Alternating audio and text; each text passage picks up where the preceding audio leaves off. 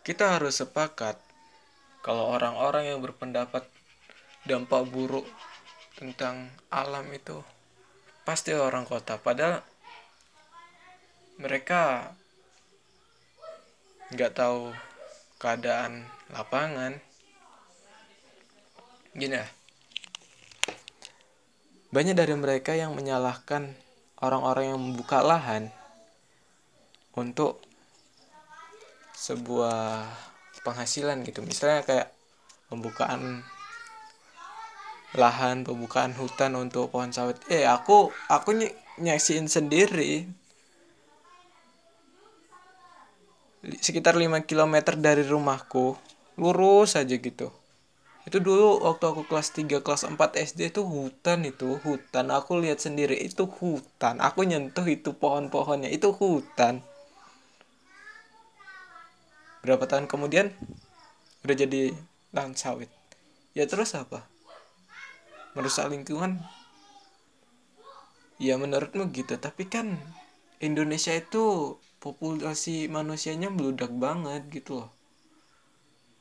Terlalu banyak pengangguran ya mau nggak mau tuh harus disediain lapangan pekerjaan gitu. Ngebuka lahan untuk memperkerjakan orang adalah salah satu solusinya dan itu terbukti efektif. Ya gini aja lah. Pembukaan lahan sawit itu banyak manfaatnya men. Kalau nggak ada pembukaan lahan sawit ya nggak ada puluhan ribu orang bahkan ratusan mungkin. Atau mungkin jutaan orang tuh kerja di lahan sawit. Kau gembor-gemborkan lah terus itu dampak buruk dampak buruk dampak buruk. Iya kau enak. Hidup di perkotaan mungkin pendidikanmu juga tinggi gitu kan. Terus cari kerja pun kau gampang. Ya sedangkan yang nggak seberuntung kau tuh kayak gimana mau nggak mau bekerjanya pun di ladang sama orang gitu. Ini orang kaya nih punya ladang segini terus buruhnya siapa-siapa aja tuh orang-orang yang nggak seberuntung kau.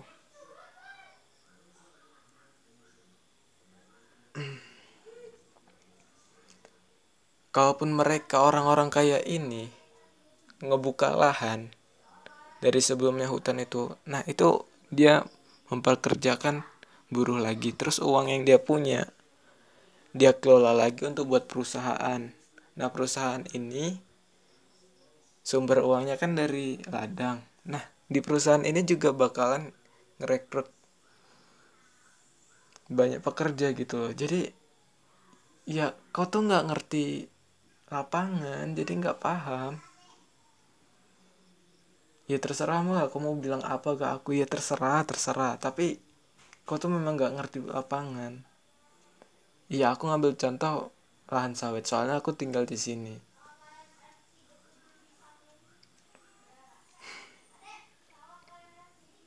Ah, ja, janganlah pohon sawit. Kita ke lahan pertambangan dan itu yang kalian sering gumpur-gumpurkan gumpur-gumpurkan terus tuh ya. Nih, sama kayak tadi perumpamaannya. Uh, yang jelas kalau kita lihat di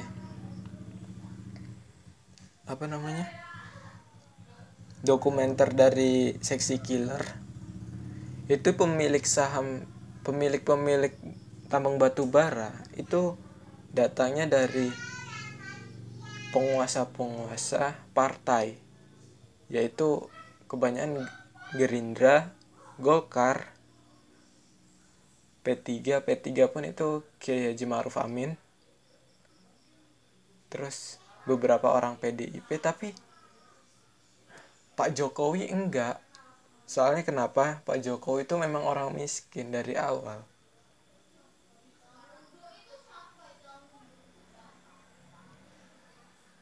Soalnya Pak Jokowi aja dia ahli di bidang kayu aja pernah bangkrut loh. Aku yakin orang-orang yang pernah bangkrut tuh lebih ngerti keadaan ekonomi daripada orang-orang yang selalu nanja terus gitu. Apalagi mereka-mereka yang punya hubungan apa komunikasi yang bagus gitu. Sedangkan orang-orang yang pernah bangkrut tuh pasti lebih paham kondisi dan ya secara tidak langsung aku kayak punya pikiran sendiri. Kalau aku tuh suatu saat bakal bangkrut tapi nggak bangkrut banget gitu. Bisa lah diakalin terus balik lagi gitu. Ke orang-orang yang selalu nanja terus gitu tanpa pernah bangkrut klaim nggak klaim nggak bisa ngerti keadaan ekonomi. Gini gini gini. Balik lagi ke batu bara tadi ya. Batu bara tuh uh, mulainya kan di tahun Soeharto kan. Jadi jangan heran kalau orang-orang Golkar ya beberapa orang Gerindra ya maklum lah. Pak Prabowo sendiri dia uh, apa namanya? Menantunya Pak Soeharto. Jadi ya orang-orang terdekatnya lebih gampang masuk ke situ. Terus hmm, dari PAN juga banyak. Sandiaga Uno malah lumayan gede dia punya sahamnya di batubara.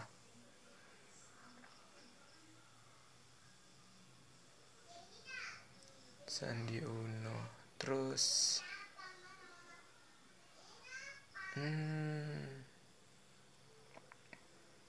apa lagi yang aku bahas Caltech. Nah Caltech. Caltech di eh tunggu. Oh ya Caltech di Tapung udah diambil alih sama eh Caltech apa Chevron sih? Chevron deh Chevron. Diambil alih Pertamina dan itu pun semenjak udah perjanjian diambil alih tuh pengobor pengoborannya tuh kayak diberhentikan gitu. Jadi nunggu diambil alih aja gitu. Eh. ya pinter sih kalau aku pun jadi apa direktur dari perusahaan itu ya kayak gitu juga mikirnya. Oh ini udah diambil ya kau urus sendiri lah bisa ya kami lanjutin lagi kerja kami kan gitu. Ah ya oh ya tadi kan aku ada sempat singgung kalau orang yang ngebuka lahan untuk sawit terus dia mempekerjakan orang untuk mengerjain ladangnya itu. Terus keuntungan dari situ dia pakai lagi untuk membuka perusahaan biar buka lowongan kerja. Ya itu memang kayak gitu juga sama kayak halnya tambang batu bara. Kita misalkan aja Pak Prabowo. Pak Prabowo uh, misalnya uh, dari berapa hektar tanah yang dia punya gitu kan. Ini masih hutan nih. Terus yang ini udah dibuka untuk dia gali batu bara batu bara gitu kan. Terus dia makin ke sana makin ke sana. Nah itu kan otomatis dibabat tuh pohon-pohonnya kan. Terus secara tidak langsung dia mempekerjakan orang-orang yang ahli di pertambangan batu bara. Kan kira gak banyak itu yang kerja kayak gitu. Banyak men banyak. Jadi itu tuh semua ngehidupin orang. Perputaran ekonomi itu beneran nyata. Kau nggak ngerti kondisi lapangan makanya nggak ngerti. Ya keuntungannya pun kayak gitu juga sama. Pak Prabowo punya saham gede gitu kan di batu bara. Terus dia hmm, punya punya modal gede nih punya modal gede karena dari sahamnya itu bukalah perusahaan-perusahaan perusahaan yang lain-lain gitu. Dan di perusahaan itu kan otomatis memberikan lowongan pekerjaan. Ya ya udahlah kayak is emang kayak gitu kerja emang kayak gitu siklus alam tuh ya kalaupun diberhentikan berhentikan oke. Okay. tapi gimana solusinya? Tanyalah sama orang-orang yang pemegang saham tuh. Kayak gimana? Tapi yang jelas mereka tuh selalu didukung tuh karena apa? Karena mereka memberikan lowongan pekerjaan. Jadi kayak misalnya misalnya uh, anggap aja Pak Prabowo punya pabrik uh, besi gitu misalnya misalnya ini. Terus di situ ada banyak uh, pekerja yang kerja di situ kan. Nah mereka tuh ya pasti berterima kasih sama Pak Prabowo. Nggak mungkin di eh Pak, Pak, Pak Prabowo nih ngerusak al, ngerusak alam ngerusak alam gini gini gini. Padahal tempat kerjanya dia itu hasil dari yang dianggap ngerusak alam itu. Ya gimana emang kayak gini boy. Ya kalaupun ada jalan keluarnya mungkin suatu saat uh, undang-undang nyisahin hutan nyisahin hutan itu bakalan diperketat dan lebih apa ya namanya lebih dipantengin banget lah. Pasti bakal ada masanya hutan tuh nggak boleh dibuka-buka lagi. Tapi di saat itu juga para pengrajin kayu mulai cari akal. Kayak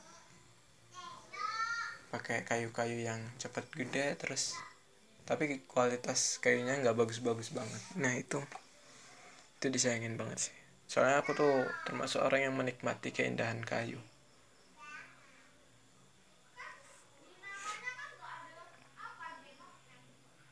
Uh, mungkin itu aja ya.